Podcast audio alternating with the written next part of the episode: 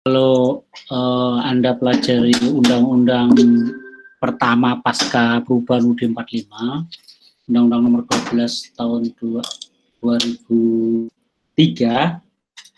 itu kan ada lembaga sementara namanya pengawas pemilu. Ya. Nah, di pengawas pemilu itu salah satu unsurnya adalah wartawan. Hmm. Nah, waktu itu eh, saya kan eh, setahun sebelumnya itu kan turun dari jabatan sekjen Haji. Jadi saya jadi sekjen Haji itu tahun 2000 eh, 1999 sampai 2001 2001 ya. Nah, oleh pengurus Haji yang baru saya diminta mendaftar jadi panwas itu.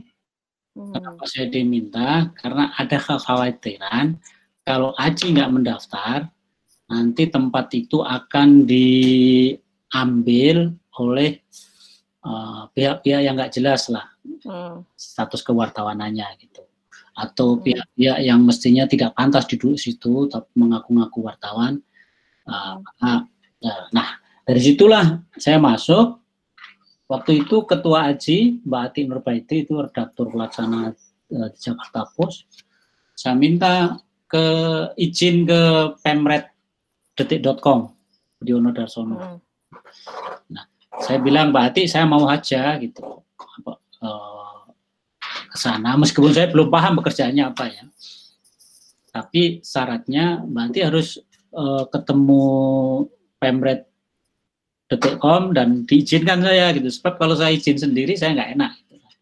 Akhirnya Ati Nurbaiti ketemu Pemret detik.com dan uh, minta izin supaya saya diperkenalkan jadi pengawas dan kemudian saya mendaftar karena diizinkan kan. Nah begitu saya mendaftar mengikuti macam-macam tes kan, ya, alhamdulillah akhirnya diterima. Hmm. Nah ketika diterima itulah saya balik ke bos saya kan, hmm. uh, Budono Darsono, Mas saya akhirnya diterima seperti ini gimana nih pekerjaannya apa? Ya pekerjaannya sih untuk tahap awal ini masih ringan, tapi nanti menjelang hari H sibuk pasti sibuk lah. Ya udah beginilah gitu. Demi bangsa dan negara, itu bahasa dia tuh. Udahlah begini, demi bangsa dan negara, uh, udah kamu bekerja di sana aja, fokus ngurusi pengawas, pengawasan pemilu sesuai dengan uh, posisimu itu. Kursimu, maksudnya kursi Wapempet saya, mm -hmm. itu nggak nggak akan ada yang menduduki, biarkan di situ. Mobil kantor bila perlu kamu perlukan ya pakai saja. Nah, dengan demikian pada saat saya jadi panwas itu sebetulnya status saya WPM Detekom itu masih utuh, fasilitas masih ada, kursi masih ada, sewaktu-waktu saya bila saya balik ke sana. Dan yang ketika tentu saja saya masih terima gaji dari Detekom, jadi gaji saya double lah. ya alhamdulillah gitu kebaikan anak-anak. Nah, ketika masuk jadi panwas itulah maka ilmu-ilmu lama yang saya pelajari di il, jurusan ilmu pemerintahan kan muncul lagi. Saya kan punya Profesor Reswanda Imawan, Profesor Afan Gafar itu kan salah salah dua eh, apa akademisi kita saat itu yang memang menekuni eh, dunia partai politik dan pemilu. Saya diajar mereka sehingga sebetulnya cepat aja nyambungnya. Meskipun saya sendiri nggak belum pernah baca undang-undang pemilu sebelum saya jadi panwas. Jadi begitu jadi panwas, akhirnya mengenai pemilu dan selama satu setengah tahun ngurusin uh, pemilu, waktu itulah ya belajar keras untuk memahami dunia pemilu, tidak hanya dari sisi undang-undang ya, dari sisi yang lain. Nah, kemudian dari situ kayak telanjur mencintai ilmu pemilu, uh, ilmu yang dam, pada zaman Orde Baru itu disepelekan karena hmm. saya ingat Prof. Riswanda waktu ngajar kami tentang uh, partai politik dan pemilu, dia bilang ilmu saya ini di sini nggak ada gunanya. Kenapa, Prof? Habis gimana?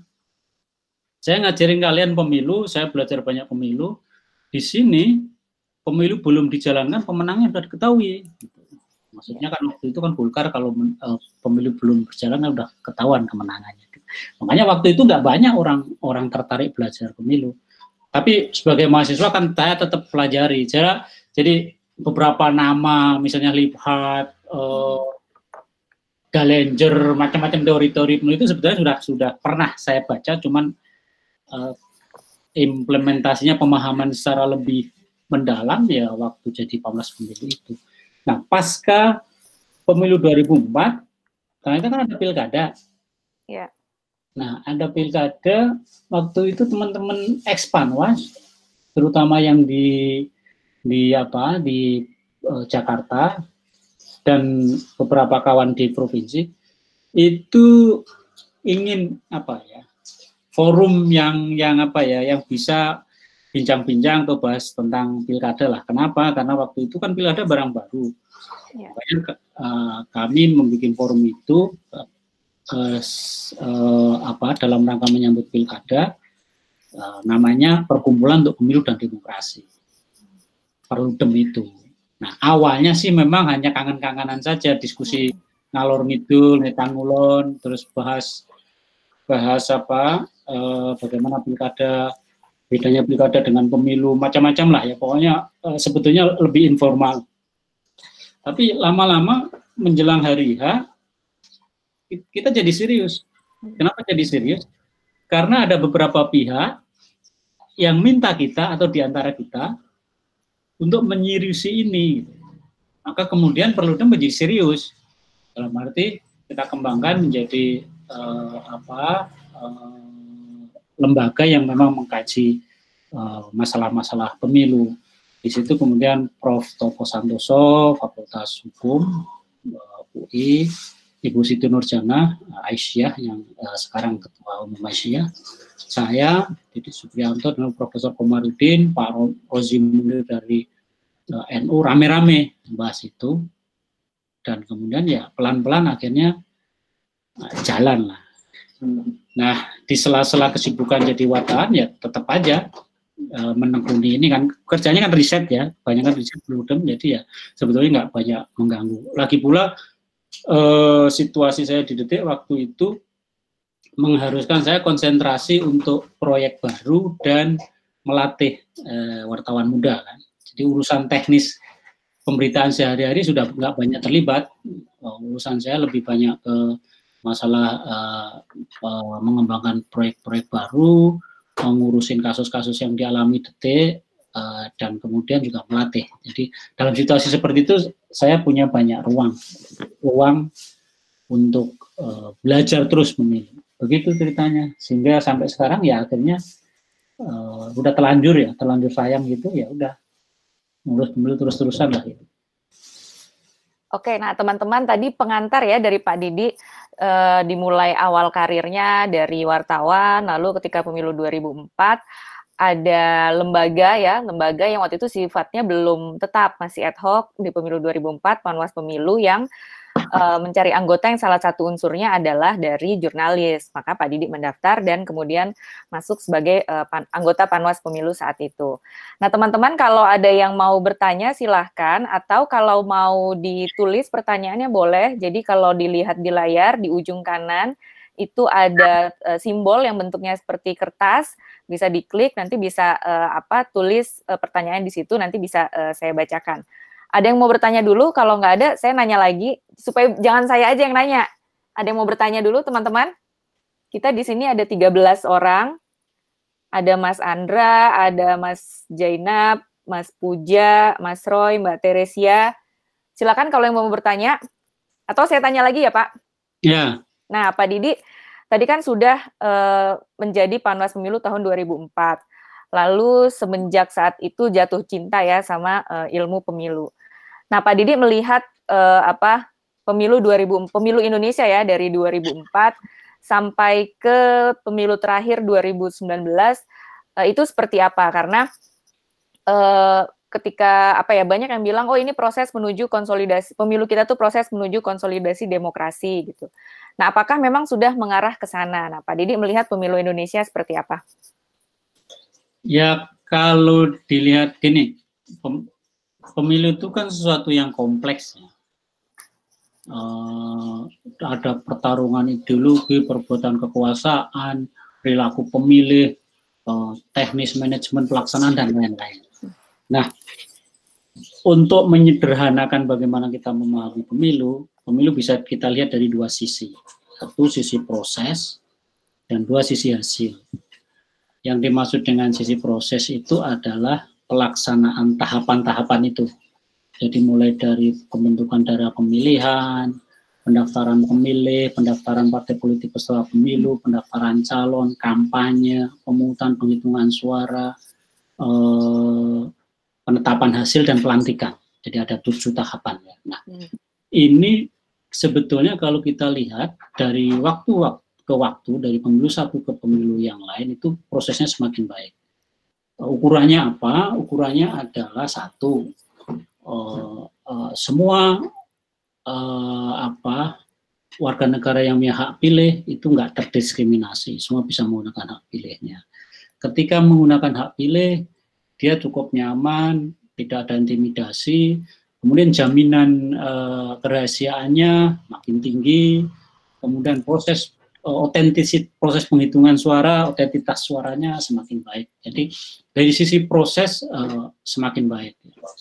Meskipun belakangan kita menghadapi problem yang serius karena uh, pemilu serentak legislatif presiden itu membuat uh, pemilih kebingungan yang sehingga hmm. angka eh, apa suara tidak sah akan melonjak itu eh, karena dia harus eh, menghadapi harus membawa lima surat suara eh, calon presidennya sih cuma dua cuman calon anggota legislatifnya kan 400 lebih gitu. jadi yeah. sebenarnya eh, surat suara untuk pemilu DPR misalnya itu melonjak menjadi 17 persen misalnya itu karena kebingungan yang lebih tragis lagi adalah penyelenggaranya ya. karena dia menanggung beban pekerjaan yang istilah saya unmanageable, hmm. maka akhirnya uh, korban menjadi 500 orang meninggal. Hmm.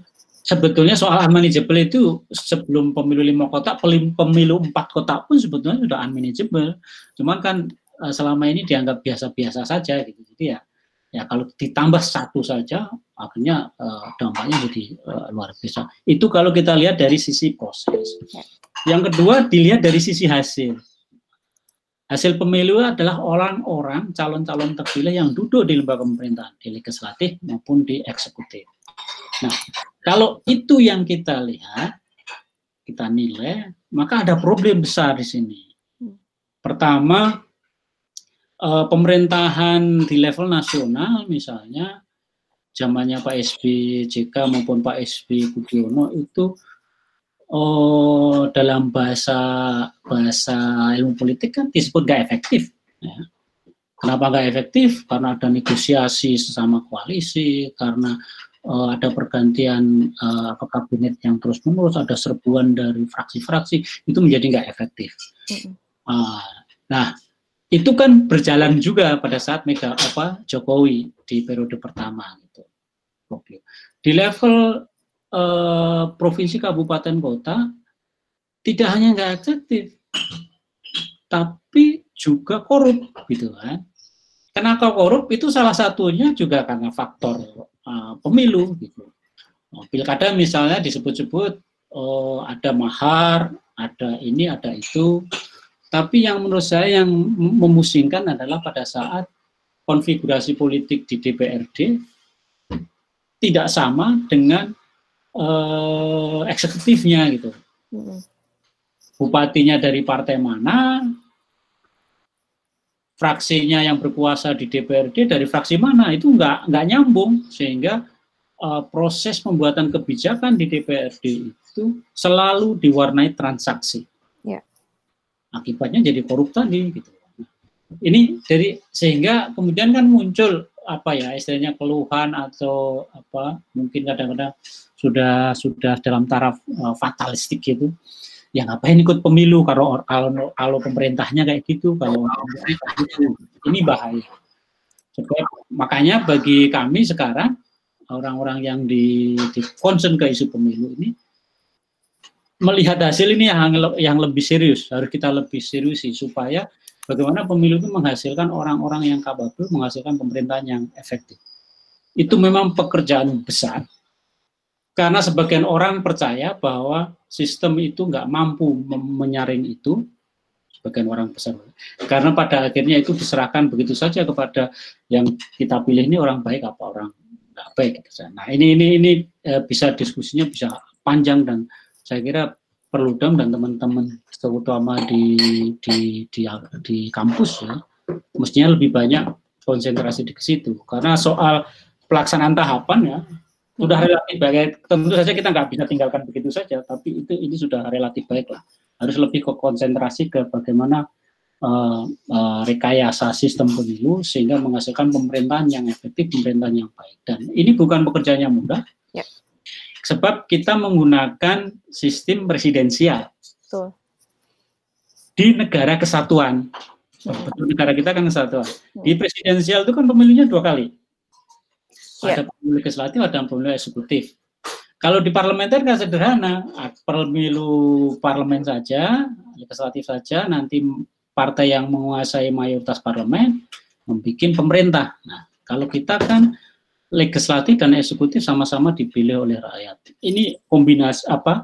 E, bagaimana menciptakan pemerintahan yang efektif sekaligus saling kontrol itu bukan pekerjaan yang mudah. Yang kedua, kita di negara kesatuan dan sistem presidensial di level nasional itu ternyata diduplikasi di provinsi, di kabupaten kota, sehingga ada keruwetan.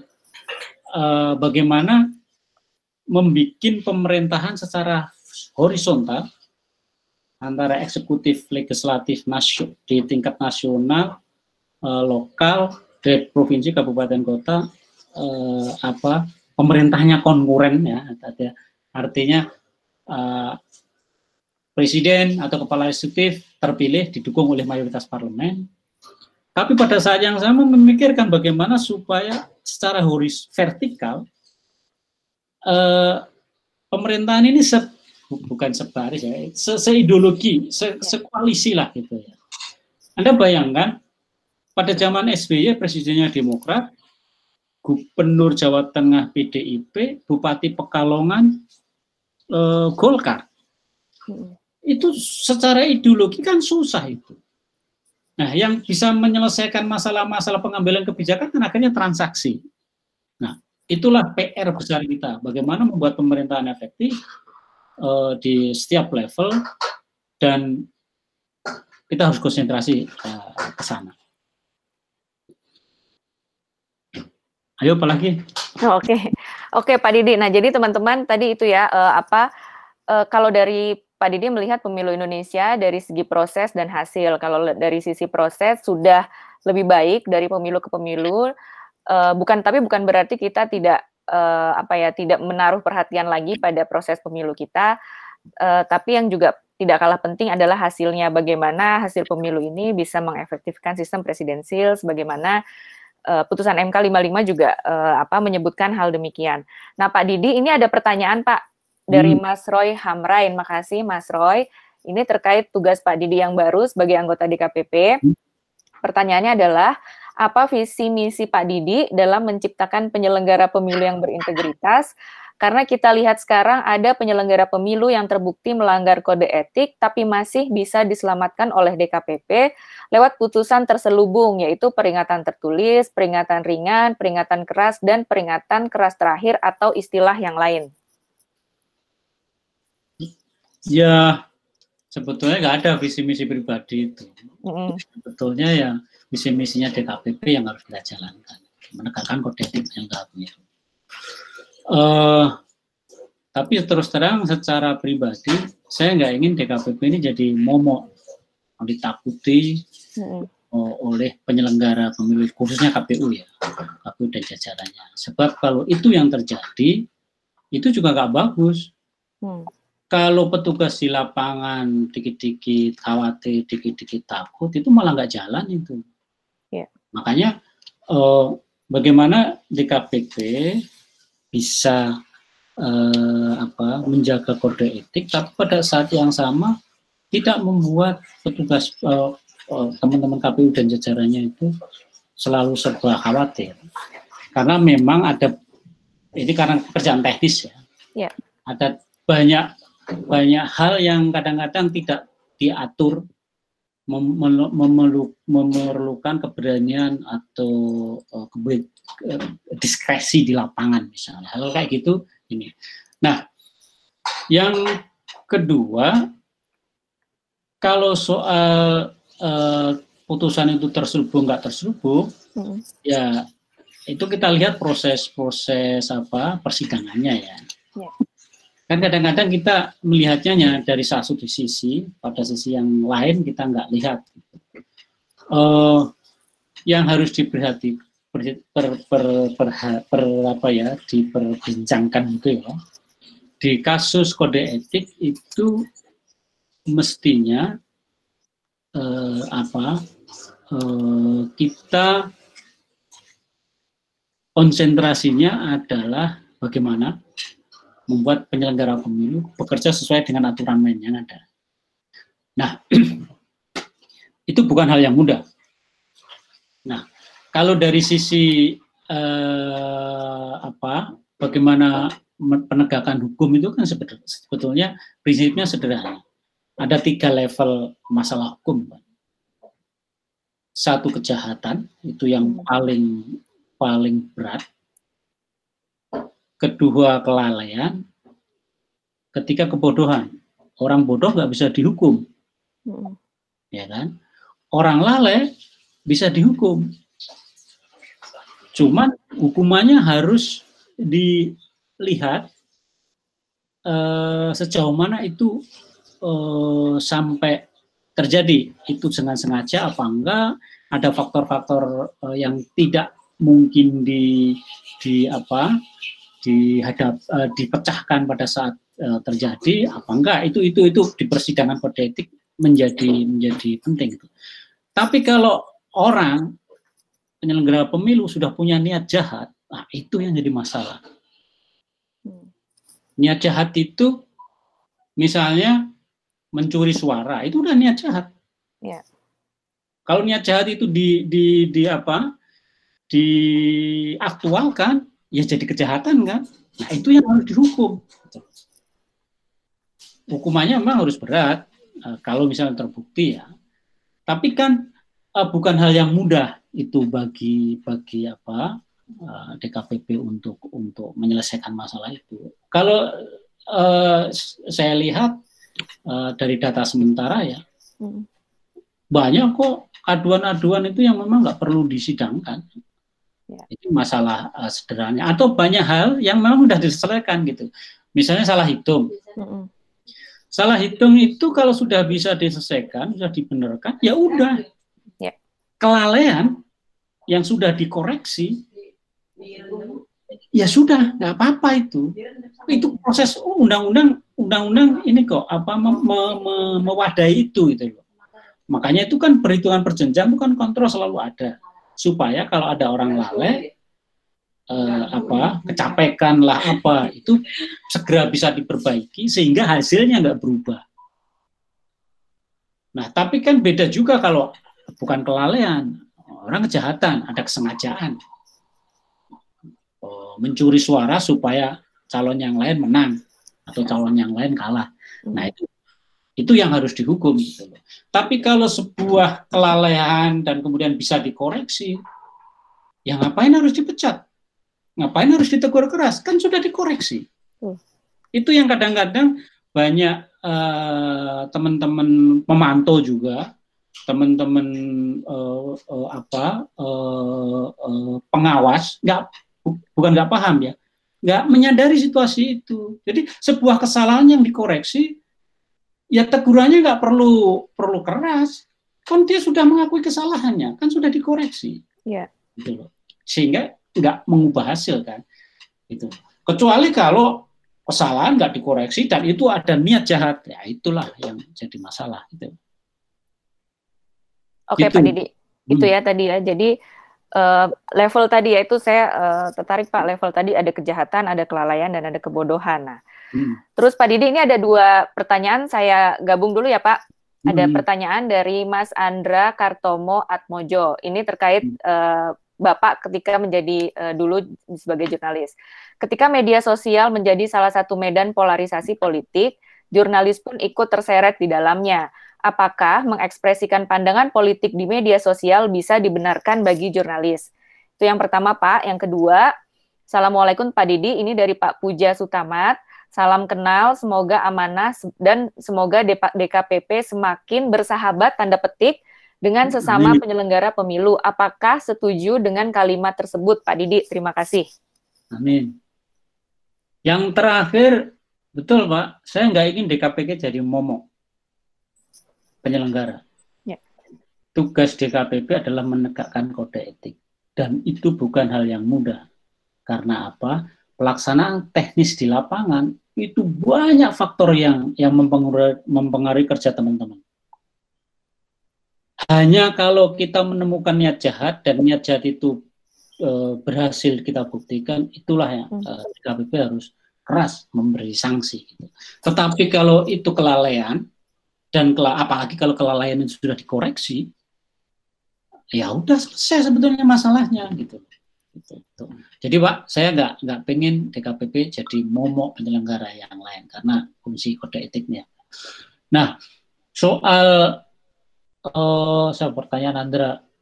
Jurnalis Andra, Pak, apa? Andra itu saudara saya itu, family saya. orang di, di Blora sana gitu. Uh, ini memang problem serius. Dua, ini saya saya saya kasih street kasus saya ya. Ya Pak. 2025 eh 2005 Facebook mulai berkembang di Indonesia. Ya. Saya termasuk uh, gelombang pertama yang yang yang apa? Yang langsung uh, bikin akun Facebook. Kami kan kerja di dunia internet, uh, kayak itu masih cepat lah gitu udah asik 2004 2005 lah ya. Nah sampai suatu saat ketika uh, apa uh, Facebook sudah sangat sudah mulai populer banyak orang ini uh, saya posting pendapat pribadi ya posting ngetik aja intinya kira-kira ngeritik SBY lah ya, pemerintahan SBY. Nah pada saat itulah kemudian saya di replay banyak teman salah satunya oh pantas salah satu yang membuat saya sesak ya. Oh pantas detikcom nyinyir bukan bahasanya bukan nyinyir. Detikcom eh, apa eh, memusuhi SBY wong pemer, wah pemretnya aja kayak gini pendapatnya. Hmm. nah, itulah yang kemudian menyebabkan saya kembali diskusi di teman-teman aji. Jadi di teman-teman Aji waktu itu ada perdebatan, kita perlu wartawan perlu boleh nggak wartawan memiliki akun. Kemudian kita tarik pengalaman di di Amerika, eh, New York Times itu dan beberapa koran besar lainnya melarang wartawannya memiliki akun media sosial. Bahkan sampai sekarang ada yang larang itu masih dilakukan. Nah, Waktu itu kita di Aji berdebat, kenapa sih nggak boleh? Ya memang secara teori ada seperti itu. Cuman ketika saya sendiri mengalami, maka memang sebaiknya wartawan tidak memiliki akun media sosial.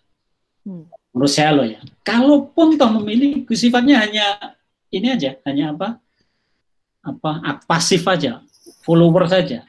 Kalau dia aktif, maka tulisan-tulisannya itu bisa dipersepsikan sebagai suaranya tempat mereka bekerja sebagai kebijakan redaksi seperti yang tadi orang mem mempersoalkan uh, kritik saya kepada SBY dan itu dikaitkan dengan MTO. Makanya sejak saat itulah saya di, teman-teman yang selalu bilang saya orang uh, orang orang kolon, kolonial tidak diaktif di media.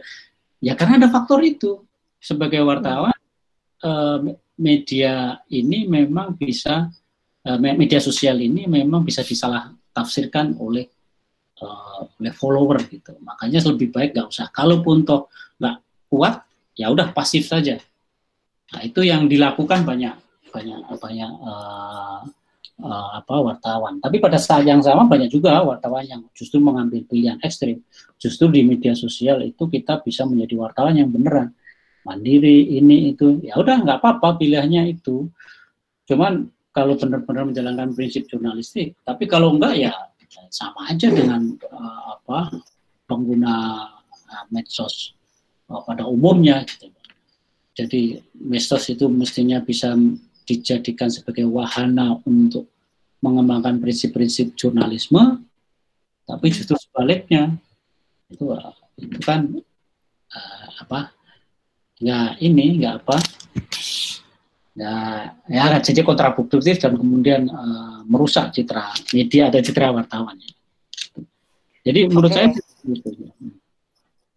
ada lagi teman-teman yang ingin bertanya secara langsung silahkan ada yang mau bertanya saya mau mbak oh mas heroik ya silakan ya. mas heroik Pak Didi mau tanya Pak Didi. Hmm. Um, tadi kan Pak Didi cerita bahwa uh, kompleksitas pemilu di Indonesia itu cukup rumit gitu ya uh, di tengah presidensialisme multipartai. Apakah kemudian kompleksitas ini berpengaruh juga Pak terhadap proses uh, penegakan hukum pemilu misalnya termasuk juga soal electoral integrity atau integritas penyelenggaraan pemilu yang nanti kemudian berkaitan dengan DKPP Pak. Apakah kemudian ada kontribusi tersendiri dari kompleksitas penyelenggaraan kita berkaitan dengan efektivitas uh, lembaga penegak hukum pemilu maupun juga uh, berkaitan dengan desain electoral integrity kita. Mungkin itu Pak. Ya, ya jelas, jelas. Karena kan uh, dengan dengan katakanlah beban pekerjaan. Eh, saya selalu menyoroti pemilu legislatif ya. Mm. Karena pemilu legislatif itu pemilu yang paling nggak rasional di dunia ini. Kalau kita memakai proporsional tertutup, di mana pemilih hanya memilih gambar, itu bolehlah tiga atau empat empat apa empat surat suara itu uh, uh, apa tidak menguntungkan. Tetapi karena kita menggunakan sistem proporsional daftar terbuka, maka pada saat kita akan memilih uh, empat calon DPR, DPD, DPRD, provinsi, DPD, kabupaten itu kita menghadapi 500 lebih calon. Itu sesuatu yang memberatkan pemilih. Pada saat yang sama juga memberatkan penyelenggara. Ngitungnya sederhana saja, karena pemilu legislatif itu dibarengkan empat lembaga, maka KPU harus mengadakan dan mendistribusikan, mencetak dan mendistribusikan 700 juta lembar surat suara yang terdiri dari 2000 lebih varian. Karena kan setiap dapil surat suaranya beda. Dapil kabupaten ada berapa, dapil provinsi ada berapa, dapil nasional ada berapa, kemudian itu dihitung se -se secara nasional ada eh, saya nggak tahu eh, persisnya saya, tapi sekitar 2000 lebih lah. Nah, itu sebetulnya pekerjaan yang unmanageable. Kenapa unmanageable? Karena ada batas waktu surat suara dicetak sampai surat suara jatuh ke eh, sampai di TPS. Itu kan ada bat anu apa limitasinya, limitasi waktunya. Kalau itu nggak ada limitasi waktunya sih nggak masalah gitu. Padahal kita tahu eh, dari sisi geografis kan eh, Republik ini kan wilayahnya macam-macam gunung punya, pantai punya, sungai punya, e, samudra punya.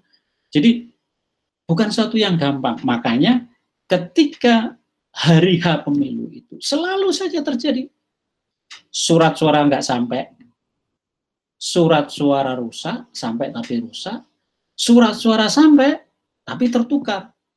Dan jumlahnya kan kemarin melonjak lagi dibandingkan dengan 2014, 2019 jumlahnya melonjak lagi. Padahal uh, secara manajemen sudah diperbaiki dari pemilu ke pemilu. Tapi karena ini pekerjaan yang unmanageable, maka selalu itu terjadi. Dan inilah yang kemudian menimbulkan persoalan hukum.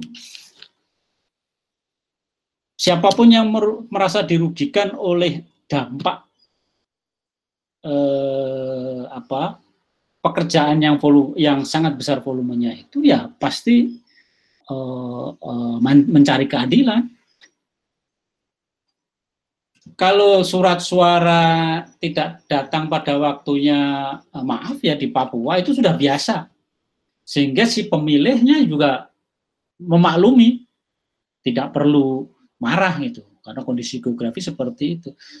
Tetapi kalau di Bantul misalnya, di IY, ada surat-surat tertukar, ngamuk itu. Apalagi kalau sempat dicoblos. Kan harus pemungutan suara ulang. Pemungutan suara ulang itu juga energi. Sementara kemudian adanya pemungutan suara apa, apa ketika surat suara tetap dipakai, orang atau pemilih atau calon kan menyalahkan uh, petugasnya. Nah, jadi kalau kita bisa mengurai, menyederhanakan uh, apa jadwal penyelenggaraan pemilu itu sebenarnya menurut saya sih 50% persoalan administrasi dan penegakan hukum itu sudah bisa berkurang. Itulah sebabnya kenapa Perludem, saya dan beberapa kawan di Perludem, itu ngotot betul tentang pemilu nasional, pemilu daerah itu. Karena itu format pemilu yang paling ideal. Jadi di pemilu nasional surat suaranya cuma tiga. Di pemilu daerah surat suaranya empat. Dengan surat suara tiga dan empat, bagi pemilih itu memudahkan untuk memberikan suara. Bagi penyelenggara juga meringankan beban eh, di pemilu legislatif selama ini. Gitu. Nah, dengan demikian prosesnya kita harapkan bisa karena ada perencanaan lebih baik karena beban pekerjaan yang lebih uh, ringan sehingga ketika dilaksanakan itu jauh lebih smooth gitu. Nah, efeknya yang kita harapkan adalah masalah-masalah yang kemudian berdampak ke pelanggaran, ke integritas uh, apa petugas itu bisa berkurang dan saya yakin betul itu karena dalam banyak hal eh, katakanlah surat eh, apa eh, apa eh, salah hitung itu kan lebih karena faktor eh, kelalaian atau faktor ketidaksengajaan gitu. Nah, itu juga karena faktor kelelahan gitu. Makanya itu bisa bisa kita hindari gitu. Dengan demikian kalau pekerjaannya memang eh, manageable kemungkinan kemungkinan terjadinya pelanggaran itu juga bisa dicegah, bisa diminimalisasi, sehingga masalah-masalah hukum nggak perlu bermunculan. Dan DKPP nggak ada kerjaan itu bagus, itu pengawas pemilu nggak ada pekerjaan itu juga bagus gitu loh. Toh nggak perlu nyari-nyari pekerjaan gitu, memang nggak ada pekerjaan kan gitu. Begitu, Woy. Begitu, Mas Heroik. Uh, Teman-teman saya, saya saya mau tanya dong. Mbak Titi ya? Iya. Ya, kamu tanya apa? Ya, silakan Mbak Titi. Hah? Iya, pakai earphone. Di dalam. Ini si Paris lagi nih. Uh, saya mau tanya soal konsep um, apa namanya? Uh, ini kan di banyak lembaga uh, uh, negara yang ada, etik itu kan menjadi institusi yang internal melekat gitu ya. Jadi uh, DKPP adalah institusi yang sangat khas uh, karena dia uh, apa namanya menjadi institusi yang berdiri sendiri. Nah, bagaimana sih membuat agar DKPP sebagai uh, satu kesatuan uh, institusi penyelenggara pemilu itu tidak rebutan kewenangan dengan uh, KPU maupun Bawaslu? Misalnya bagaimana melimitasi keterlibatan uh, eh, DKPP di dalam uh, proses pelaksanaan pemilu. Karena di banyak lembaga lain, lembaga etik itu pasif. Jadi dia menunggu ada perkara baru dia sidangkan dan itu pun kebanyakan uh, sifatnya tertutup begitu ya.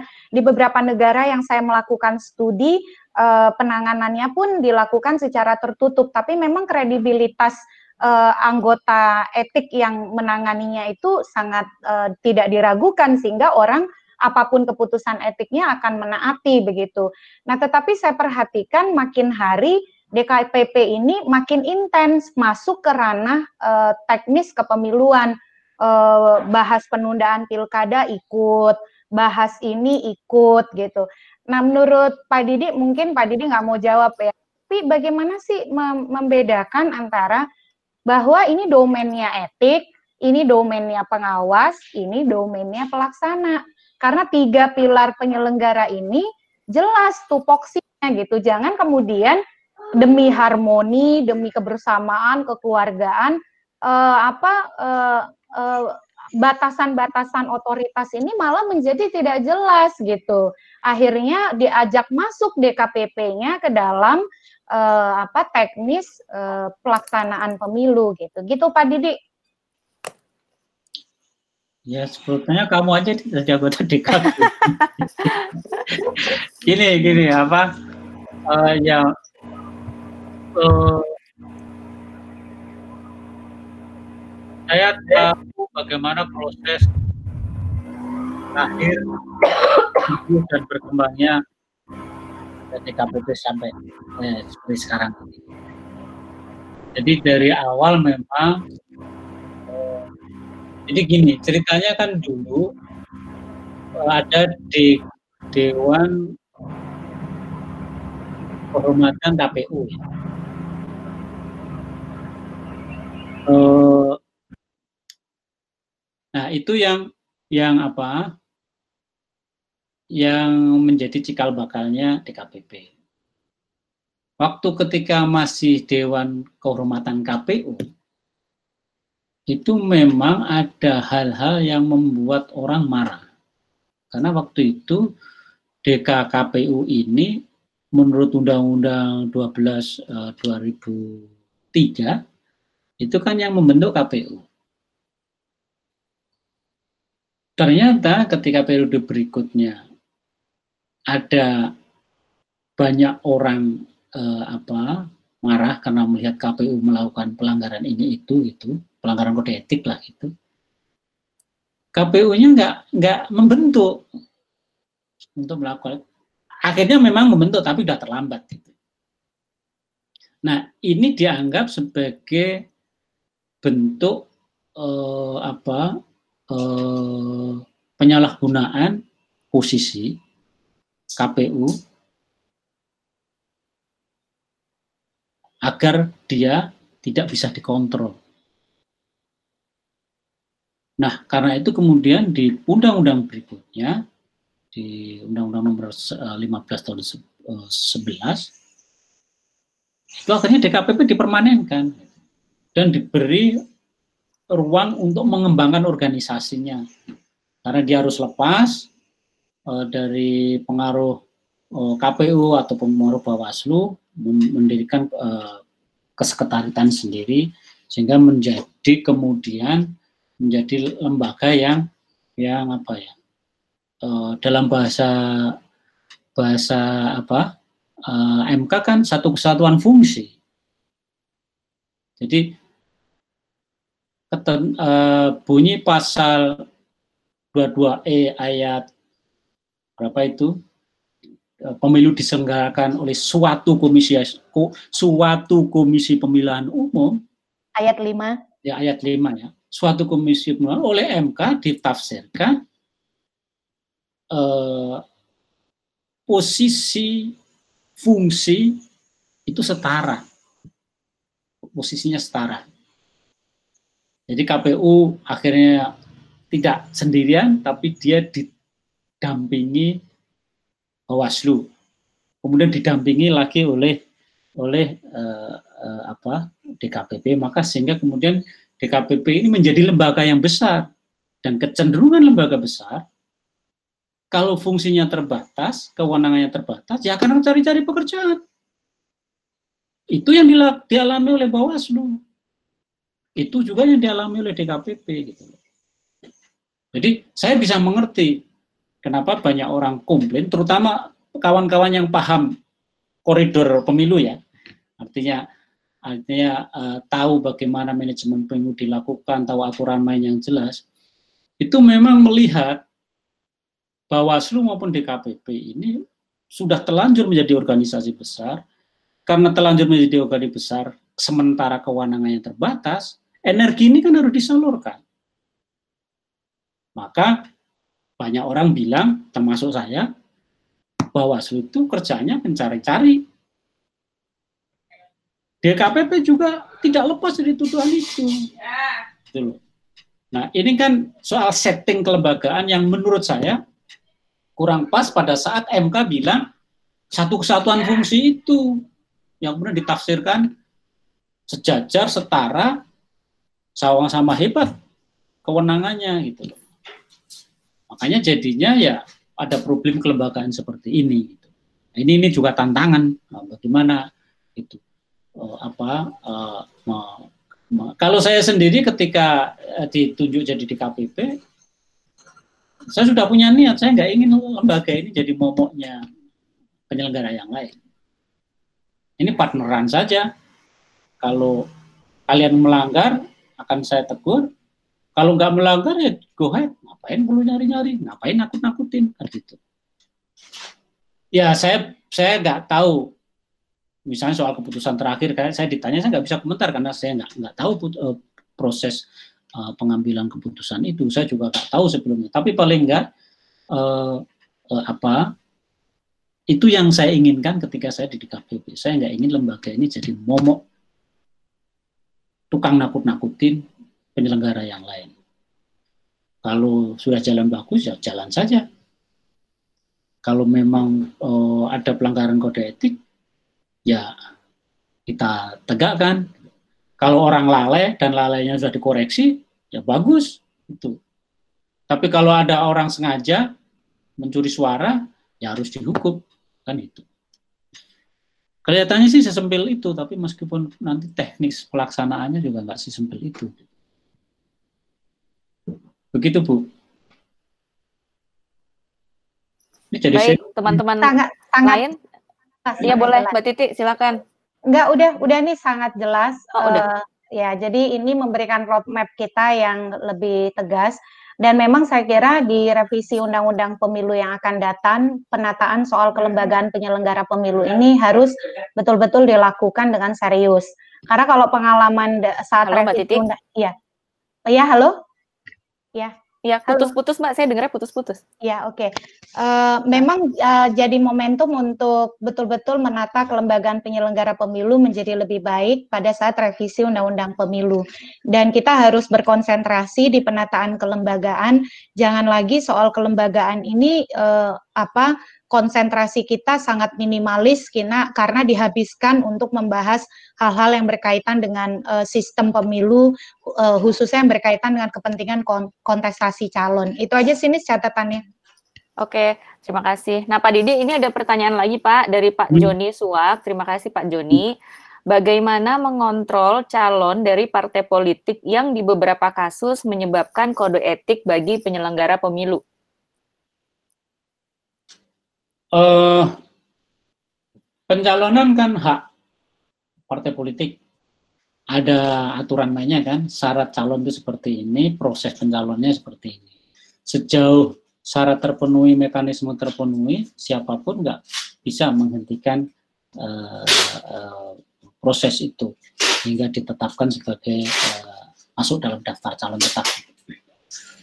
Nah, yang sering terjadi kan sebetulnya ini persaingan antar calon.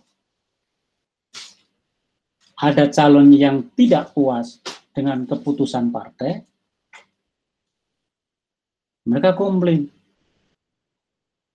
Komplainnya tidak ke partai, tapi ke penyelenggara pemilu. Padahal aturan main di pencalonan kan jelas. Ada sekian syarat itu. Sudah terpenuhi, ya masuk di proses partai, masuk ke KPU, di proses KPU cek recheck, ya udah selesai. Kalau kemudian ada calon eh, bakal calon yang tidak masuk, itu pasti awalnya dari dari dari dari partai kan. Ya bisa saja karena nggak memenuhi syarat ya dicoret bisa saja. Tapi yang sering terjadi adalah calon atau bakal calon yang tidak puas karena tidak dimasukkan oleh partai, kemudian mempersoalkan nah, penyelenggara, padahal itu masalahnya ada ada di partai. Yang sering terjadi sebetulnya seperti itu. Jadi eh, kalau tidak ada kasus yang konkret, memang kita susah pak untuk menganalisisnya. Tapi secara umum eh, calon dan partai yang gagal mengatasi masalah biasanya langsung menyalahkan uh, penyelenggara pemilu atau minta keadilan di uh, uh, di Bawaslu misalnya atau ke pengawas yang lain. Padahal itu problemnya internal saja. Gitu. Nah, pemilu ini kan kompetisi. Kompetisi itu berlangsung di berbagai level. Ada level di partai, ada level di dapil, ada level di kepengurusan bahkan. Gitu. Nah, kalau orangnya tidak kuat, tidak perform mengikuti uh, uh, uh, apa kompetisi ini, ada dua kemungkinan. Satu dia nyerah, dia berdaya. Yang kedua, dia nekat karena merasa diperlakukan gak adil, dia nekat. Cuman nekatnya ini yang kadang-kadang eh, apa salah arah. Mestinya kan yang ditabrak pengurus partai, tapi enggak karena menabrak pengurus partai mental, nah, nabraklah penyelenggara pemilu. Itu pak yang sering terjadi sebetulnya. Nah, kecuali ada kasus khusus yang bisa menunjukkan bahwa bahwa apa bahwa calon ini diperlakukan tidak adil oleh oleh oleh penyelenggara pemilu, eh, bolehlah kita bahas. Tapi kalau, saya merasa secara karena pertanyaannya secara umum ya jawaban saya umum seperti itu. Oke, eh, teman-teman ada pertanyaan uh, lagi silakan. Kita uh, sampai jam 10 ya, Pak Didi ya. Ya, sudah hampir selesai toh. Uh, ada lagi teman-teman bebas mau bertanya apa saja ke Pak Didi. Ada Pak Hadar uh, baru bergabung, silakan Pak Hadar. Ninis. Ya. Uh, saya boleh duluan. Oh, Mas Adi Aman, silakan Mas Adi Aman. Ya, terima kasih Ninis. Uh, mungkin bukan pertanyaan uh, Mas Didi, hanya ngambil kesempatan untuk ngucapin selamat. uh, Pak Adi Aman bergabung ya Mas. Uh, masih di Canberra Pak uh, Mas Didi. Ya, yang penting sehat-sehat saja di sana. Ya, selamat bertugas di DKPP. Semoga bisa uh, hmm. ikut mewarnai dinamika di sana. Ya. Dan uh, ya mungkin bisa jadi penerus uh, aspirasi teman-teman di uh, civil society Mas Didi. Ya. Amin, amin, amin. Amin. Hmm. Silakan teman-teman, ada yang mau bertanya? Mungkin karena tadi kita mulainya juga jam 9 lewat, uh, boleh agak uh, panjang sedikit ya Pak Didi ya kita. Ya, ya. Ini ada pertanyaan lagi uh, Pak Didi, tadi lanjutan dari uh, Mas Joni ya, bagaimana limitasi definisi penyelenggara atau penyelenggaraan pemilu bagi keberadaan kewenangan DKPP terkait dengan partai politik yang juga diawasi persoalan etiknya, yang yang harus juga diawasi persoalan etiknya. Pak, kalau DKPP nggak ngawasin eh, perilakunya partai politik ya Pak, mau jungkir balik kita nggak bisa apa-apa. Eh, DKPP itu konsentrasinya fokusnya wewenangnya uh, apa menjaga kode etiknya penyelenggara pemilu. Nah kode etik itu kan ada rumusannya itu dari A B C D ada sekian pasal lah ya itu. Nah itu aja yang dijaga. Gitu. Jadi uh, kalau apa kalau penyelenggara melanggar itu ya kita tegaknya tegakkan aturan lainnya. Tapi kalau partainya jungkir balik nggak karu-karuan itu sudah ada wilayah lain yang harus harus uh, mengatasi. Misalnya uh, ketika proses pencalonan karena marah uh, tidak masuk daftar calon partai terjadi keributan pemukulan kan bisa jadi kasus uh, kriminal. Nah, udah laporkan polisi saja gitu.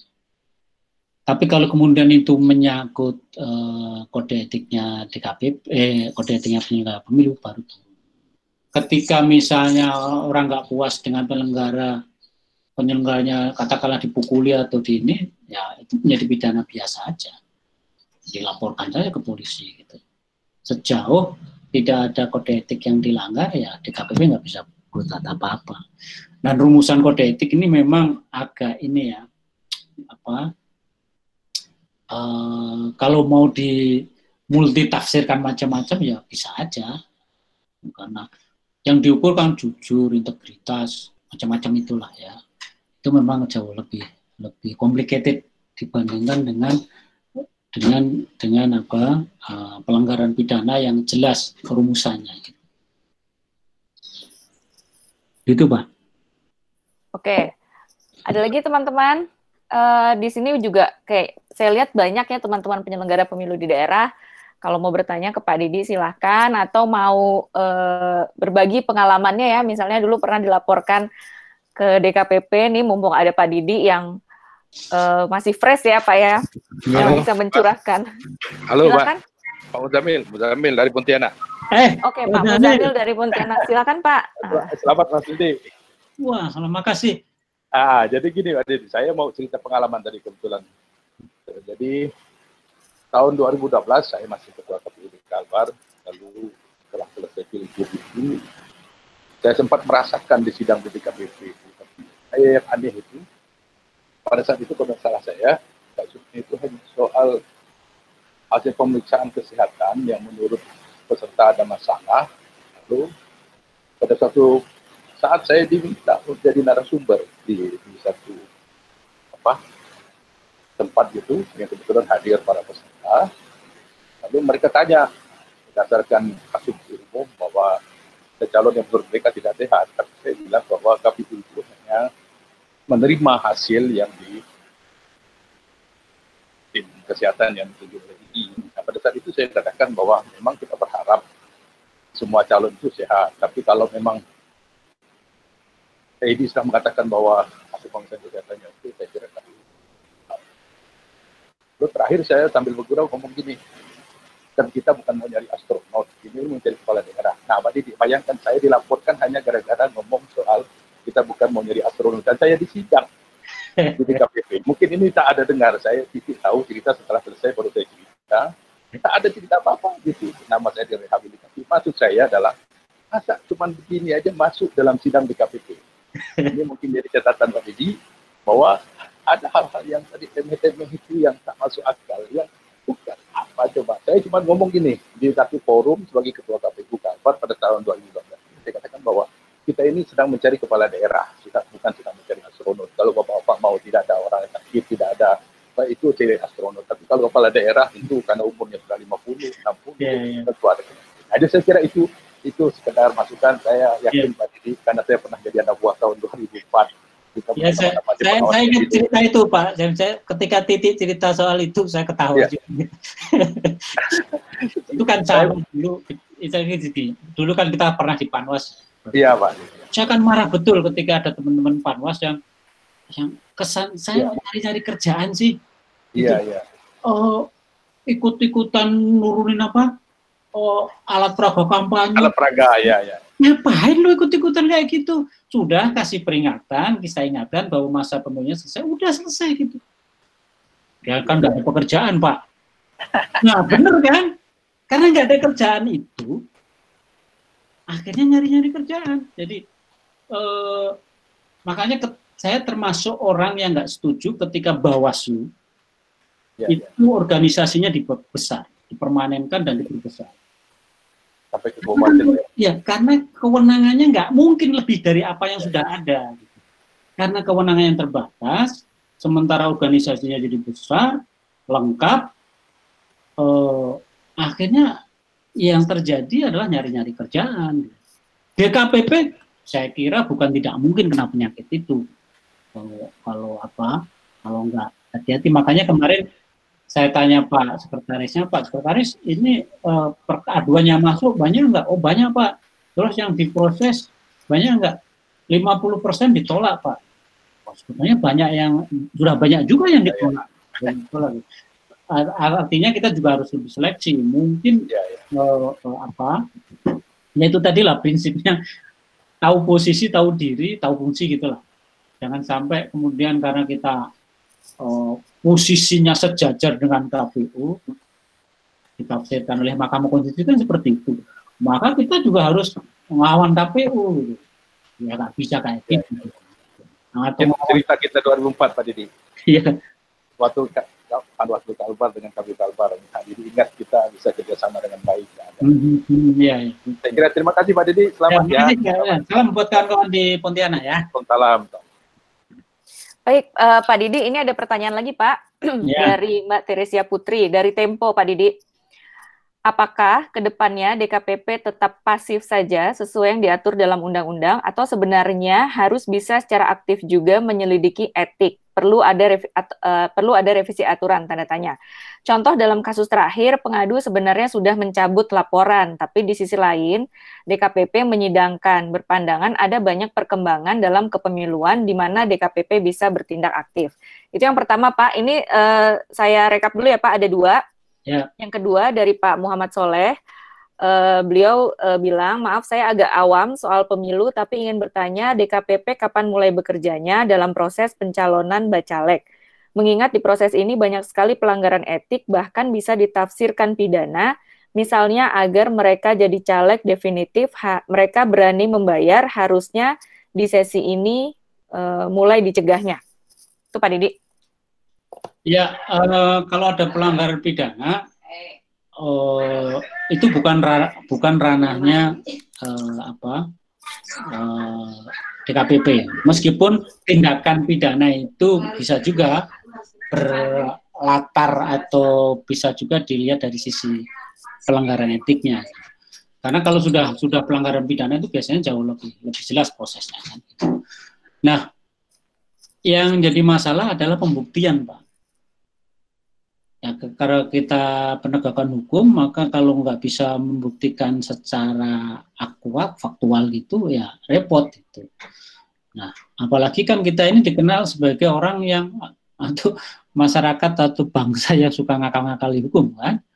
Gitu. Kalau bisa panjang kenapa harus diperpendek? Kalau bisa pendek kenapa nggak diperpanjang? Kan seperti itulah. Kenapa dipanjang-panjangin? Seperti itu. Nah, uh, oleh karena itu ya persoalan integritas itu ya harus di, terjadi di lingkungan kader partai. Kalau partainya sendiri tidak, tidak bisa menjaga integritas kader-kadernya, itu memang akan uh, memunculkan banyak masalah.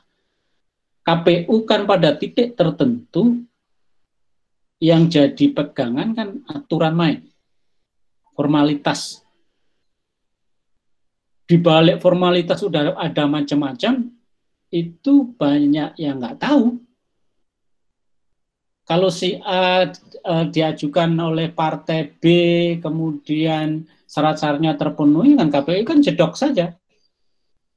Bahwa si A uh, menyogok katakanlah pengurus partai B, ya nggak ada yang tahu. Kecuali Anda bisa membuktikan. Itu jadi masalah. Nah, pembuktian ini kan barang yang susah. DKPP posisinya adalah menunggu. Kalau ada pelanggaran, dilihat, laporan dilihat, diperhatikan, diproses, dan dijalankan. Nah, undang-undang kan sudah jelas di harus pasif ya. Saya saya nggak mau komentar soal masalah yang uh, putusan terakhir ya, putusan uh, terhadap uh, anggota KPU FI karena saya nggak nggak mengikuti. Tapi secara umum kan undang-undang sudah ngatur itu, DKPP itu pasif. Karena itu kalau kemudian aktif, dia menyalahi undang-undang gitu. Punya intensi harus menyelidiki ini, ini, ini, itu, itu sudah melampaui batas yang digariskan oleh undang-undang. Kalau saya sih posisinya seperti itu. Makanya saya bilang saya nggak mau DKPP ini jadi momoknya penyelenggara pemilu yang lain. Biasanya momok itu seperti itu. Maju dikit biar kelihatan gagah, maju dikit biar kelihatan uh, galak. Kemudian sudah terlanjur biar kelihatan galak, dikomentarikan kan ini, ah cuman gagah-gagahan saja. Akhirnya gaji gagah beneran. Oh cuman galak-galakan saja. Oh, akhirnya jadi galak beneran. Itu kan celaka gitu. Mencelakakan banyak orang gitu orang yang nggak berbuat jahat dianggap berbuat jahat, dinilai berbuat jahat sehingga dikasih hukuman yang setimal dengan dugaan kejahatan itu. Nah, itu kan merusak uh, masa depan orang. Nggak boleh seperti itu. Ya, urusannya memang tidak segampang yang saya sampaikan karena oleh karena itu ada proses persidangan, ada ada apa pengaduan eh, bukti-bukti sejauh yang saya rasakan di tempat lain, saya dulu aktif di Dewan Pers ya. Proses uh, persidangan di Dewan Etik itu memang tidak berat-berat amat gitu.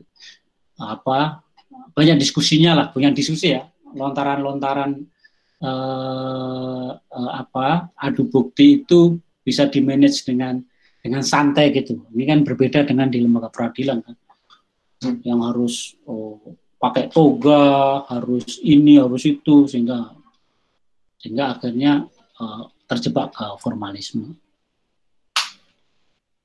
Itu. Oke, baik Pak Didi. Nah tadi Pak Hadar mau bertanya, silakan Pak Hadar. Terima kasih. Selamat pagi Mas Didi. Selamat ya untuk terpilihnya jadi anggota DKPP. Terima kasih Pak Dar. Ya. Pokoknya ya, hubungannya. Baik, baik tentu mudah-mudahan apa bisa membantu meningkatkan kualitas uh, pemilu kita melalui Amin. peran Mas Didi dan kawan-kawan di DKPP. Amin. Ya. Nah, uh, saya ada pertanyaan terkait dengan uh, penundaan pilkada ini eh, kelihatannya arahnya ada penundaan sampai satu tahun mungkin arahnya ke sana. Ya. Saya duga bahwa apa pelanggaran kode etik eh, mungkin menurun. Saya duga ya karena kegiatan. Ya. Walaupun tentu masih ada. Nah, di sinilah pertanyaannya. Menurut um, eh, eh, putus Halo Pak Hadar. Putus-putus uh, Pak Hadar. Oh, putus-putus. Maaf ya. Pak Hadar. Oke, okay. sekarang gimana? Okay. Ya, Silakan sekarang, Pak Hadar. Ya. Sekarang bagaimana? Uh, Oke, okay, lancar. Oke. Okay. Oke. Nah, pertanyaan saya adalah pelanggaran kode etik seperti apa yang menurut Mas Didi masih berpotensi timbul dalam uh, suasana penundaan ini? Kemudian yang kedua, tentu DKPP perlu terus bekerja untuk tetap memproses apakah ada rencana untuk melakukan model persidangan uh, jarak jauh. Saya kira itu dua pertanyaan. Sekali lagi selamat bekerja Mas Didi. Terima kasih pada uh, ini pertanyaan buat orang DKPP mestinya buat orang yang baru bukan orang yang baru masuk DKPP. uh, gini Pak Dar, saya dengar saya belum pernah menyaksikan. Saya dengar dari teman-teman sekretariat DKPP eh, apa kalau nggak salah yang model konferensi itu sudah sudah dipraktekkan. Cuman sejauh mana frekuensinya, intensitasnya, eh, saya, saya nggak nggak nggak nggak sampai ke sana. Gitu. Nah, yang pertama tadi potensi pelanggaran kode etik di masa masa jeda ini kira-kira apa? Terus terang, Padar kalau ditanya soal itu saya nggak nggak bisa jawab salvem ya. Tapi yang saya bayangkan eh, pada situasi nggak banyak pekerjaan itu kadang-kadang kreativitas keberanian muncul. Terus terang, saya paling khawatir nggak tahu ini nanti jadi masalahnya di KPP apa enggak. Itu soal anggaran ini kan anggaran ini kan nanti eh, sebagian sudah turun, mungkin sudah cair, mungkin sudah ditransfer, tapi eh, yang sudah ada ini harus dikembalikan karena kan beberapa tahapan kan sudah berjalan kan, masih berjalan. Kemudian tiba-tiba berhenti. Nah, itu yang eh, kompleksitas mengelola anggaran itu harus mengembalikan berapa, harus sampai di mana. Itu yang saya kira eh, bis, apa, bisa uh, membuka ruang untuk terjadinya uh, pelanggaran kode etik. Uh, makanya saya kemarin waktu kalau nggak salah waktu sidang itu uh, ada beberapa catatan dari dari Pak Menteri Dalam Negeri masalah oh bukan dari pihak Bawaslu minta supaya Menteri Dalam Negeri bikin aturan main yang clear soal pengelolaan anggaran uh, yang terutama yang sudah cair tapi belum digunakan. Itu gimana mekanismenya? Karena kegiatan pencalonan juga praktis berhenti, kok saya belum melihat eh, akan banyak masalah di sana pada. Kan sekarang ini kan eh, lebih ke mengurus pencalonan apa persoarangan ya. Nah, eh, soal dukungan itu, tapi karena itu berhenti ya mungkin ya apa belum ada muncul masalah yang terkait dengan itu karena nggak ada pekerjaan kan seperti. Kira-kira seperti itu Pak Adar. Terus terang Pak Adar mungkin nggak memuaskan jawabannya karena saya sendiri lagi mendalami apa sih pekerjaan saya jadi di KPP nanti gitu seperti itu. Oke, teman-teman lain ada yang masih mau bertanya? Silakan. Ada yang mau bertanya? Des, ya. kalau tidak ada, saya mau ada pertanyaan terakhir. Oke, silakan Mbak Titi. Ya, mungkin resep saja ya, karena uh, Pak Didi itu uh, apa? Ya, pertama kenapa Bapak um, menyukai isu kepemiluan? Walaupun tadi dianggapnya karena keterusan ya, tetapi apa sih yang menarik dari pemilu itu sendiri? Yang kedua, um, menurut Bapak apa yang paling perlu kita tata dari pemilu kita. Kan kita banyak problem nih tadi soal integritas dan lain sebagainya Pak Didi sudah sampaikan. Tetapi yang paling itu yang mana sih Pak? Yang paling krusial yang betul-betul mempengaruhi uh, kepemiluan kita. Ini diskusi akademik ya. Dan yang ketiga, uh, gimana sih resepnya kok produktif banget nulis gitu. Makasih Pak Didi. Silakan ya, Pak Didi. Karena pekerjaan saya nulis ya, nulis terus. Saya kan nggak seperti kamu. Kamu harus pekerjaan ini, harus ngajar, harus ini. Saya nggak ngajar, nggak ada. Ya kerjanya nulis ya, tulis lah. Gitu. Terus yang apa tadi, Tik? Eh, apa yang harus ditata di pemilu kita, Pak? Ya kan sebetulnya sudah sering kita diskusikan ada problem kelembagaan tapi menurut saya problem kelembagaan ini tidak akan tuntas diselesaikan kalau kita belum pasti dengan schedule pemilu lima tahunan ini. Jadi eh, ini kan masih dalam perbincangan nih. Apakah pemilunya mesti seperti 2004 serentak lima kota itu atau tujuh kota sekaligus atau nasional lokal atau nasional, provinsi, kabupaten. Itu kan pilihan-pilihan yang di, diberikan oleh MK untuk eh, dipastikan oleh pembuat pembentuk undang-undang. Nah, kalau itu sudah ada kepastian dari pembentuk undang-undang, maka itu akan mudah mengatur yang lain. Ya, mengatur yang lain. Uh, uh, apa masalah kelembagaan, terus masalah manajemennya akan lebih lebih tertata lah. Gitu. Makanya ini harus uh, kelar dulu. Nah, lepas dari masalah itu adalah uh, pertanyaan banyak orang, masyarakat luas adalah kita ini ikut pemilu setiap lima tahun milih, tapi pemerintahnya begitu-begitu saja.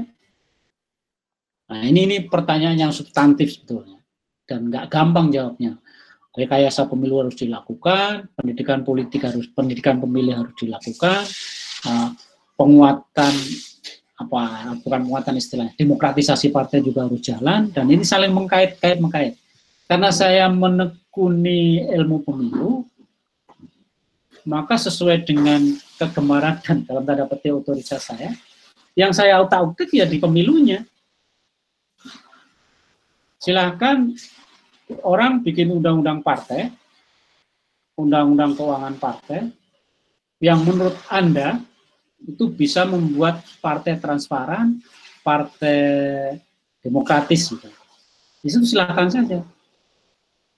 Tapi bagi saya, yang paling penting adalah bagaimana menciptakan sistem mesin pemilu yang bisa mendorong partai menjadi yang ideal tadi itu kan uh, apa ya lebih karena saya menyukai ilmu pemilu gitu. Oh, kenapa itu? Uh, saya lebih percaya bahwa uh, sistem pemilu lebih memiliki kekuatan untuk mendorong partai uh, apa lebih demokratis lebih dewasa daripada hanya membuat norma-norma. Partai dilarang ini partai dilarang itu itu yang yang yang saya, saya bayangkan sebagai orang yang mengenali pemilu.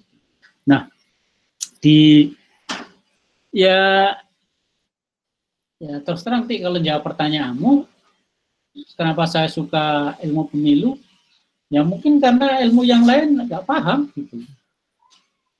Kebetulan saya kuliah di jurusan ilmu pemerintahan, yang belajar ilmu pemerintahan dan ilmu politik, yang sempat cukup lama belajar partai politik dan pemilu, tapi tidak digunakan pada zaman Orde Baru. Begitu zaman zaman eh, apa reformasi muncul, ilmu-ilmu itu bisa dikembangkan, bisa diaplikasikan, bisa disimulasikan dan itu yang menariknya.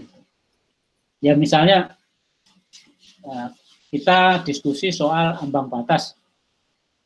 Kemarin partai kan mau naik terus ini kan, dua setengah persen, tiga persen, empat persen. Kemarin ada yang uh, cita-cita tujuh persen, bahkan mungkin ada yang sepuluh persen. Nah, silakan saja gitu. Cuman konsekuensi-konsekuensinya kan harus mereka hitung juga. Gitu. Kalau 10 persen, berapa partai yang akan masuk kan? Tapi karena kita menganut sistem pemilu proporsional, sesuai dengan apa yang sering dikemukakan Pak Hadar kan, kita itu pemilu proporsional. Apa pun hasil dan hasilnya ya harus pro, seproporsional mungkin. Jangan sampai gara-gara ambang batas eh, itu pemilunya jadi gak proporsional. Nah, bagaimana membuat ambang batas tapi pemilunya tetap proporsional itu kan secara matematik sebetulnya menarik gitu. Makanya ada teman ada OI yang sedang simulasi itu kan. Ya soal ketertarikan seperti itu sih, jadi saya juga nggak ngerti gitu. Mungkin karena ya ilmu pemilu yang sudah sekali saya pelajari, jadi ya tertariknya di sana. Oke, Uh, ada lagi pertanyaan teman-teman. Uh, ini ada Pak Puja Sutamat yang usul sebelum on air promonya lebih masif. Iya Pak Puja, terima kasih masukannya.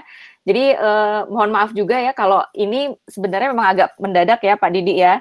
Yeah. Karena awalnya kita uh, ingin buat uh, seri diskusi uh, pemilu gitu ya. Nah tapi di awal karena Pak Didi baru uh, apa menjadi anggota DKPP dan ternyata banyak juga yang ingin kenal sama Pak Didi, jadi kita bikin dulu uh, Q&A dengan uh, anggota DKPP yang baru Pak Didik Suprianto. Jadi baru diputuskan tuh kita mau bikin Q&A ini uh, kemarin sore Pak Puja, jadi memang agak mendadak. Tapi sekali lagi terima kasih teman-teman yang sudah meluangkan waktunya untuk uh, diskusi kali ini. Sa ada juga nih dari Mas Aziz uh, saran diskusi lebih sering terutama pada masa WFH. Baik Mas Aziz, terima kasih juga. Uh, kami juga apa Eh, berencana seperti itu ya Mas Aziz ya di WFA ini lebih banyak diskusi dengan teman-teman dan ternyata dengan WFA dan dengan teknologi kita lebih banyak berinteraksi dengan teman-teman di daerah juga. Jadi biasanya kalau di Jakarta kan audiensnya hanya eh, teman-teman uh, di Jakarta tapi dengan konferensi seperti ini bisa dari daerah juga banyak yang ikut bergabung. Ada lagi teman-teman yang mau bertanya? Oh iya, uh, anu Gimana Pak? Apa Pak Didi silakan?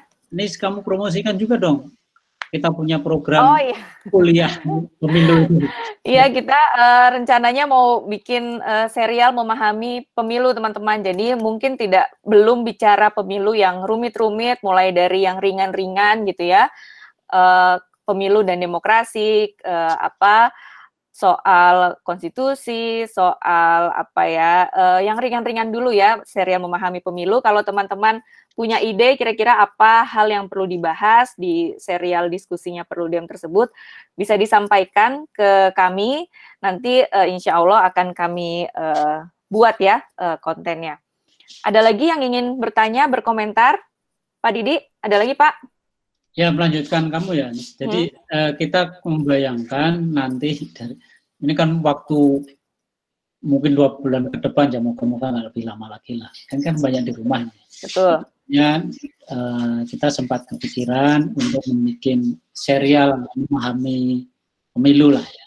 Jadi lebih lebih sistematis itu dari dari filosofinya pemilu kaitannya dengan demokrasi, kemudian turunannya bagaimana pemilu di eh, apa direkayasa oleh oleh sebuah sistem sampai kemudian yang teknis bagaimana penegakan hukum di lapangan. Nah, kita akan bikin diskusi itu. Saya sih usulnya setiap dua hari sekali, cuma nggak tahu Nenis atau Titi atau yang enggak. gitu. Jadi mungkin ada satu jam untuk bahas setiap dua hari sekali sehingga ruang yang kosong ini semumpung kita di rumah ya banyak diskusi yang lebih anu deh sama-sama me, uh, belajar uh, ya. memahami pemilu sehingga ya kita nggak kaget-kaget amat kalau ada pengamat bilang gini kalau ada politisi bilang gini kalau ada pengamat yang ngakunya pengamat tapi salah itu. Kalau ngomong pemilu kita bisa ngetawain juga. Soalnya saya sering lihat TV banyak orang mengaku pengamat tapi ketika ngomong pemilu meleset gitu Iya. Dan kita bisa ngetawain orang kadang-kadang bahagia juga. Gitu. ini ini nggak enak banget, nggak nggak enak banget nih motifnya nih. Tujuannya. Iya soalnya yang, yang kita ketawain orang-orang yang keminter gitu loh. Iya, tapi memang uh, sampaikan ini WFH kalau berdasarkan kebijakan DKI Jakarta, saya sih warga Tangerang Selatan ya, katanya sampai 19 April. Memang bisa lebih dioptimalkan untuk bisa sharing. Ada juga gagas gagasan untuk diskusi lagi soal dinamika penyelenggaraan pemilu di lapangan. Uh, tadi ada catatan dari beberapa teman yang mungkin sulit untuk koneksi untuk bisa lebih memahami uh, dinamika teknis di lapangan perlu mendengar suara dari akar rumput sih Nis katanya. Ya, ya, ya, uh, karena uh, apa yang kita pahami dari uh, rem apa Jakarta gitu ya mungkin tidak sepenuhnya bisa menangkap apa yang terjadi dan dihadapi oleh rekan-rekan yang ada di lapangan. Itu juga menarik tuh sebenarnya. Ya. jadi mengatasi gap tadi loh yang kayak Pak Didi bilang ya itu, itu yang titik Ninis masih kalah hebat sama saya. Kenapa Pak? Saya pernah jadi KPPS. Oh iya. iya. Saya pernah mantu satu TPS. saya pernah ngerancang apa? Merancang apa ti apa apa dulu tuh pedoman pelaksanaan pemungutan dan penghitungan suara. Ya, iya. Nah, ya memang asik masalah di lapangan itu kadang-kadang di luar apa yang kita bayangkan termasuk teman-teman pemantau kadang-kadang uh, apa uh, ekspektasinya terlalu besar pada teman-teman petugas di tengah sekian banyak keterbatasan yang harus dialami itu. Iya, iya, iya. Itu yang iya. kadang-kadang ya. membuat uh, bagi bagi teman-teman petugas kan lu mah tinggal ngomong doang kita yang jalan Iya, jadi uh, teman-teman Pak Didi ini pernah jadi uh, eh, KPPS ya, anggota atau ketua Pak? Anggota aja, jangan usah ketua. Oh. Masa oh, anggota jadi ketua? ya dan itu dan itu jadi kesombongan tersendiri ya, buat beliau bahwa menurut dia karir penyelenggara itu harus mulai dari bawah dan itu harus dimulai dari KPPS dan itu menyesakkan hati sekali Pak Didi ini pernah jadi anggota KPPS, pernah juga menjadi anggota pengawas TPS ya Pak? Iya, pengawas lapangan. Pengawas lapangan. Nah, jadi ketika Pak Didi uh, masih terkaget gitu ya loh menjadi anggota DKPP, Pak Didi bilangnya saya ini lebih paham kerjaannya KPPS ya Pak ya. Iya. Itu bercandanya Pak Didi. Uh, ini ada saran lagi Pak Didi dari Mas Aziz Medi, saran untuk kuliah kepemiluan bisa di Telegram agar materi terdokumentasi dan pesertanya lebih banyak. Baik, terima kasih uh, Mas Aziz. Teman-teman, terima kasih banyak uh, yang sudah meluangkan waktunya untuk diskusi dengan Pak Didi kali ini. Pak Didi, terima kasih. Selamat Nis, sorry ya, itu ada satu pertanyaan dari oh, Pak Abdul Razak, Nis. Abdul Razak. Iya. Mungkin sebagai Bentar. pertanyaan penutup. Uh, oh maaf, Pak Didi, satu lagi nih Pak. Hmm. Dari Pak Abdul Razak, saya ingin tanya soal dugaan pelanggaran kode etik penyelenggara pemilu, terutama dari Papua paling banyak dilaporkan ke DKPP, sudah diputus, dilaporkan lagi, diputus DKPP, dilaporkan lagi berulang-ulang.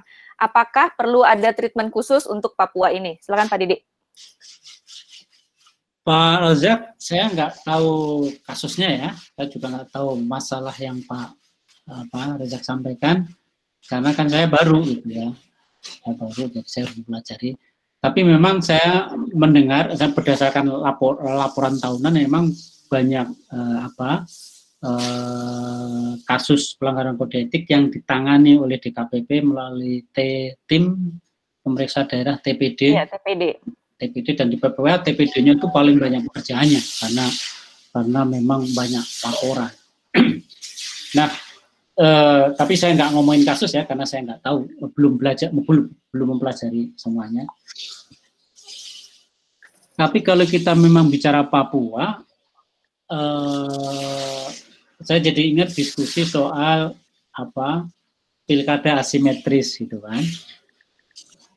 Ya kalau mau pilkada asimetris disesuaikan masing-masing daerah, memang Papua saya kira eh, karena dia ke, bukan kebetulan karena dia otonomi khusus, maka soal kekhususan itu juga harus kita pertimbangkan sehingga itu bagian menjadi bagian dari bagaimana kita mengatur pemilihan eh, pejabat-pejabat publik di sana. Gitu.